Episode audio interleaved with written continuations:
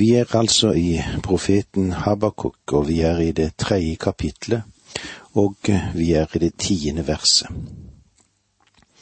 Fjellene ser deg og skjelver, styrtregnet fosser ned, havdypet buldrer og bruser, det løfter sin hånd mot det høye. Da Moses gikk for å motta lovens tavler på Sinai, da skalv fjellet og israelsfolket var så redd at de verken turde eller ønsket å komme nær dette fjellet. De ønsket ikke at Gud skulle tale til dem i det hele tatt. De var lammet av frykt. Disse versene er et bilde på hvordan Gud gjennom Moses fridde Israel ut. Først gjorde Gud en pakt med Abraham, og så oppfylte han den. Deretter gjorde han en pakt med Moses om at han ville fri Israels folk ut av Egypt. Han holdt sitt ord også der, og han fridde dem som han sa at det ville han gjøre. Og så når vi kommer til vers elleve da, ser vi innom Josva. Og jeg tror at Josva står som bakgrunn for det kommende verset, altså vers elleve. Men jeg har jo sagt tidligere, så er navnene ikke nevnt, og eh, vekten den ligger på Guds handling, og ikke på menneskene som står bak. I vers elleve Sol og måne blir i sin bolig. De flykter for dine blinkende piler, for glansen av ditt lynende spyd. Sol og måne blir i sin bolig. Dette fører tanken umiddelbart hen på Josva. For dine blinkende piler, for glansen av ditt lynende spyd. Med andre ord var selve solskinnet det som var som et glitrende spyd. I vers tolv, i harme skrider du frem over jorden i vrede tråkker du folkene ned. Da Gud førte sitt folk inn i landet, så var det han som plasserte dem der, og han fjernet amorittene på grunn av synd i deres liv. Amorittene som holdt til i landområdet omkring Jeriko, hadde veneriske sykdommer som sin største sykdomssvøpe. Gud, han tolererte ikke deres livsinnstilling. Denne pest skulle ikke ramme hans folk. Vers 13 Du drar ut for å frelse ditt folk, for å frelse din salvede. Du knuser taket på den ugudeliges hus, legger grunnvollen bar helt ned på fjellet. Det har vært spørsmål om din salvede, om det kan henvise til Israel, eller om det kan henvise til Messias. Du drar ut for å frelse ditt folk, for å frelse din salvede. Du knuser taket på de ugudeliges hus, legger grunnvollen bar helt ned på fjellet. Hva kan det være, dette? Tror du at det har med Messias å gjøre? Du drar ut for å frelse ditt folk, for å frelse din salvede.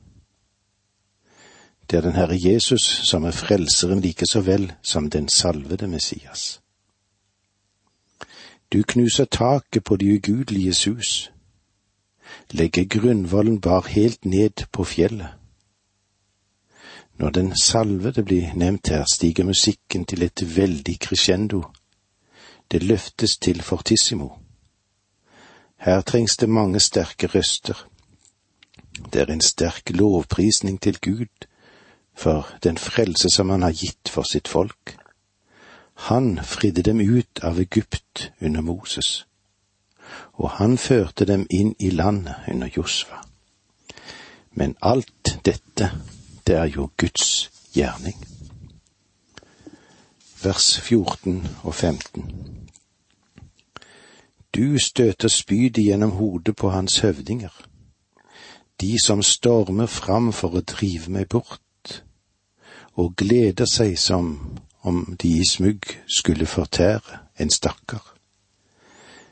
Med dine hester farer du over havet der veldige brenninger bruser. Gud bekrefter at han holder sine løfter, og dette var hans frelse for dem. Nå kommer vi til profetens reaksjon på denne, denne veldige historien. Jeg skulle ønske at jeg kunne yte rettferdighet til resten av den lille boken og dette kapitlet. Men eh, det er vel slik at vi kjenner oss avmektige noen hver når det gjelder å presentere disse veldige avslutningsversene som finnes. Dette er et av de store avsnittene i Guds bok, i Guds ord. Og jeg skulle ønske at jeg på en eller annen måte kunne formidle det til ditt hjerte, noe av den granidur, av den høyrøyste tone og den herlighet som finnes her. Vers 16 Jeg hørte det, da skalv min kropp og tennene klapret ved lyden. Det kom verk i mine lemmer, føttene vaklet under meg. Rolig venter jeg på at trengselsdagen skal ramme det folk som plyndrer oss. Ved slutten av boken gir Habakuk oss nå sine personlige erfaringer. Som vi har sett åpnet han denne boken med sin egen personlige erfaring. Han forteller nå om sine fysiske reaksjoner på alt dette.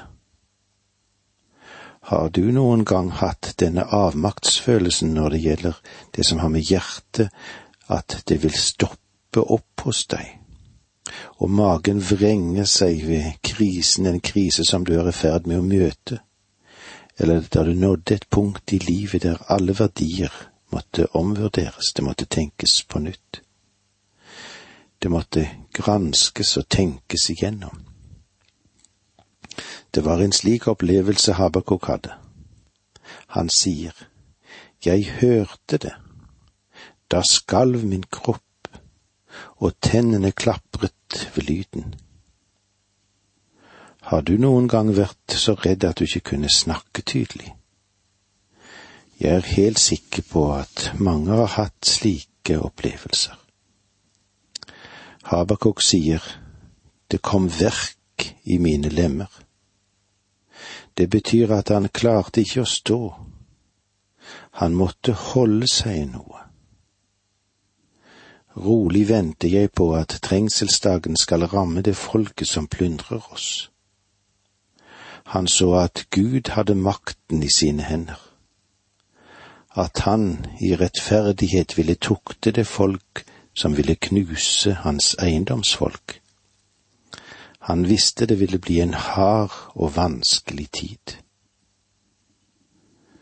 Vers 17 For fikentre blomstrer ikke, og vintre bærer ikke frukt, oliventres høst slår feil, og markene gir ikke føde.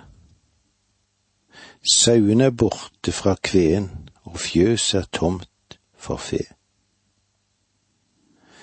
Det som vi legger merke til her, er at Habakuk understreker at det vil komme svært vanskelige tider. Det vil gripe inn i selve livsgrunnlaget som folket har. Hele denne prosessen vil være en del av Guds dom. Og dette er noe som vi skal være klar over alle sammen. At Guds dom kan komme og den kommer. Og det var så langt som vi òg kom i dette programmet i dag. Takk for nå, må Gud være med deg. Dette undervisningsprogrammet består av to deler. Åge Nevland fortsetter nå med andre del av dagens undervisning. Vi er i profeten Habakuk, og vi er kommet til det siste programmet i denne sammenheng, og vi vil stoppe opp for det som står i versene 18 18 og 19 i det tredje kapitlet. Vi vil se litt på profetens stilling. Og på tross av den dommen som kommer da, så er eh, denne profeten Habakuk i stand til å si, og så leser vi vers 18 og 19. Men jeg vil glede meg i Herren, juble over min frelses Gud. Herren Gud er min styrke. Han gir meg føtter som en hind og lar meg ferdes på høydene. Til korlederen med strengespill. Jeg håper inderlig at du forstår at Gud er vår styrke, at Gud er vår glede. Gud har ikke lovet fred og medgang i den tid som vi lever i. Det er så mange ting som dukker opp og gir oss løfter i dag, det er så. Selv i kristne kretser er det mange ganger et åndelig overbud. I tankeløshet kan vi love mennesket mer enn det Gud er villig til å holde. Kan hende vi kan si det på denne måten, at det skrives ut sjekker i hans navn som han ikke vil dekke. Gud er ingen herlighetens utgave av det vi kan kalle for en altmuligmann. Men Gud er i aktivitet og Gud er i handling. Om du ønsker et svar på dine problemer, så gir Habakuk et svar her. Og svaret er ganske enkelt. Gud er svaret på dine problemer. I begynnelsen av denne boken så kom Habakuk til Gud og sa, Hvorfor gjør du dette? Hvorfor tillater du det onde? Hvorfor griper du ikke inn nå? Gud førte Habakuk til et vakttårn, til et utsiktspunkt, og lot ham se det han gjorde. Og her så sier det Habakuk, Jeg vil vandre med Gud i tro. Gud er svaret på dine problemer òg i dag. Jeg vet ikke hvem du er, eller hva ditt problem er. Gud ser det, og Gud har svaret. Du kan ha tro og tillit til ham. Gud har en hensikt med ditt liv, og han har til hensikt å fullbyrde den. Du kan stole på Kristus, og når du stoler på ham, så vil du merke at han begynner å arbeide i deg. Han ønsker å likedanne deg med sin sønns bilde. Det er Guds hensikt å gjøre deg lik Kristus. Apostelen Paulus han skriver det på denne måten i Romerbrevet 8, 28 og 29. Vi vet at alle ting tjener til det gode for dem som elsker Gud, dem han har kalt etter sin frie vilje, dem som han på forhånd har vedkjent seg har han også på forhånd bestemt til å bli formet etter hans sønns bilde, så han skulle være den førstefødte blant mange søsken. Uansett de store ord Paulus bruker her, så mener han ganske enkelt at Guds evige hensikt med deg er å gjøre deg lik Jesus Kristus. Og det sier han igjen i det andre brevet til korinterne og alle vi ser med utildekket ansikt Herrens herlighet som i et speil, og blir forvandlet til det samme bildet, fra herlighet til herlighet. Dette skjer ved Herrens ånd. Gud har et mål for deg. Det betyr ikke noe hvem du er. Å si at andre har et større mål i livet enn det du har, er fullstendig feil. Du som hører på dette, du er så viktig i Guds plan, og du er så viktig i den hensikten som Gud har med alle individer som noensinne har levd her på jorden, og som vil komme til å leve på denne kloden. Han ønsker, han har et stort ønske, og det er å likedanne deg med Kristus. Og som vi òg leser i første Korinterbrev 15, 47-49. Det første mennesket var fra jorden og dannet av jord. Det annet mennesket er fra himmelen. Slik det mennesket var, som var dannet av jord, slik er også de andre som er av jord. Og slik den himmelske er, slik skal de himmelske være. For like som vi har båret den jordiskes bilde, skal vi også bære den himmelskes bilde. Vi vandrer her i et menneskelig legeme, eller som i et hylster, som er tatt ut av jorden. Og Gud har skapt oss som mennesker, men det er ikke finalen, det. Det er ikke det endelige. Vi er jordiske, men han ønsker at vi skal være himmelske. Det er det som er målet for oss. Kan du tenke noe større? Tenk om du levde på Michelenkolos tid, og så en dag får du lov til å besøke hans atelier, og du ser det er en stor steinblokk og det er en stor og hard marmorblokk. Den er kantet, uformelig, den er kald, den er ukjærlig, og uten noen form for skulpturell form. Men så besøker du igjen hans atelier et halvt års tid senere, og hva har hendt? Du verden. Det har blitt en statue av David eller av erkeengelen Mikael. Får jeg lov til å si til deg, på samme måte som denne kunstneren hadde et mål, en hensikt, med den grovhogne marmorblokken, så har Gud en hensikt for deg og en hensikt for meg. Vi er jordiske men han har en himmelsk hensikt med oss alle sammen. Du forstår at idealet for artisten, det er Den hellige ånd, er å forme oss til likhet med Kristi bilde. Den meiselen han bruker, er Herrens tukt, hans disiplin. For den Herren elsker, den tukter han, som det står i Hebreerbrevet 12,6. Og hammeren, det er Guds ord. Og derfor kan vi si med salmisten, Men jeg skal i rettferd få se ditt ansikt. Når jeg våker, skal jeg mettes ved synet av din skikkelse, som det står i Salme 17, 15. Gud er svaret på dine spørsmål. Og Gud har svar på dine problemer.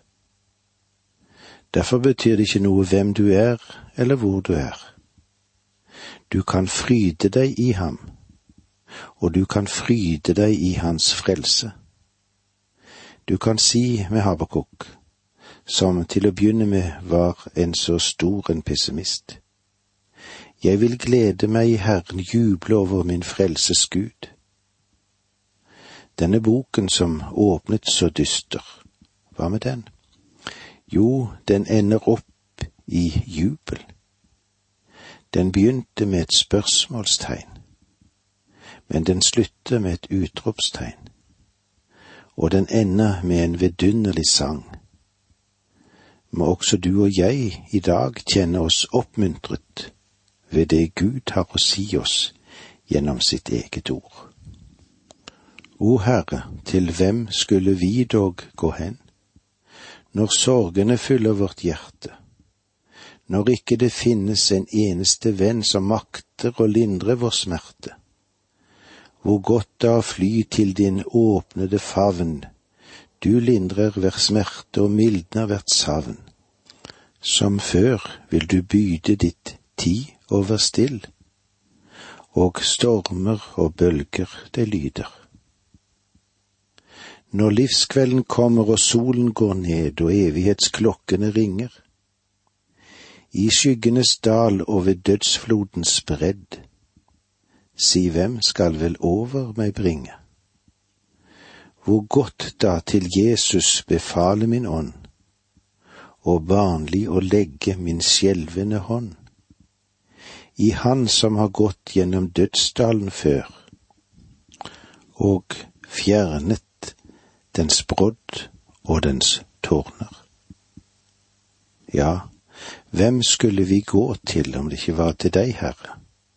Du som det har, som har det evige livet, og du som er vår venn, og du som har gitt oss arveretten til himmelen. Og eh, med disse ordene må vi si takk for nå, og takk for at du var med oss på vandringen gjennom det som denne profeten Habakuk hadde å si oss. Må Guds nåde og fred være med deg.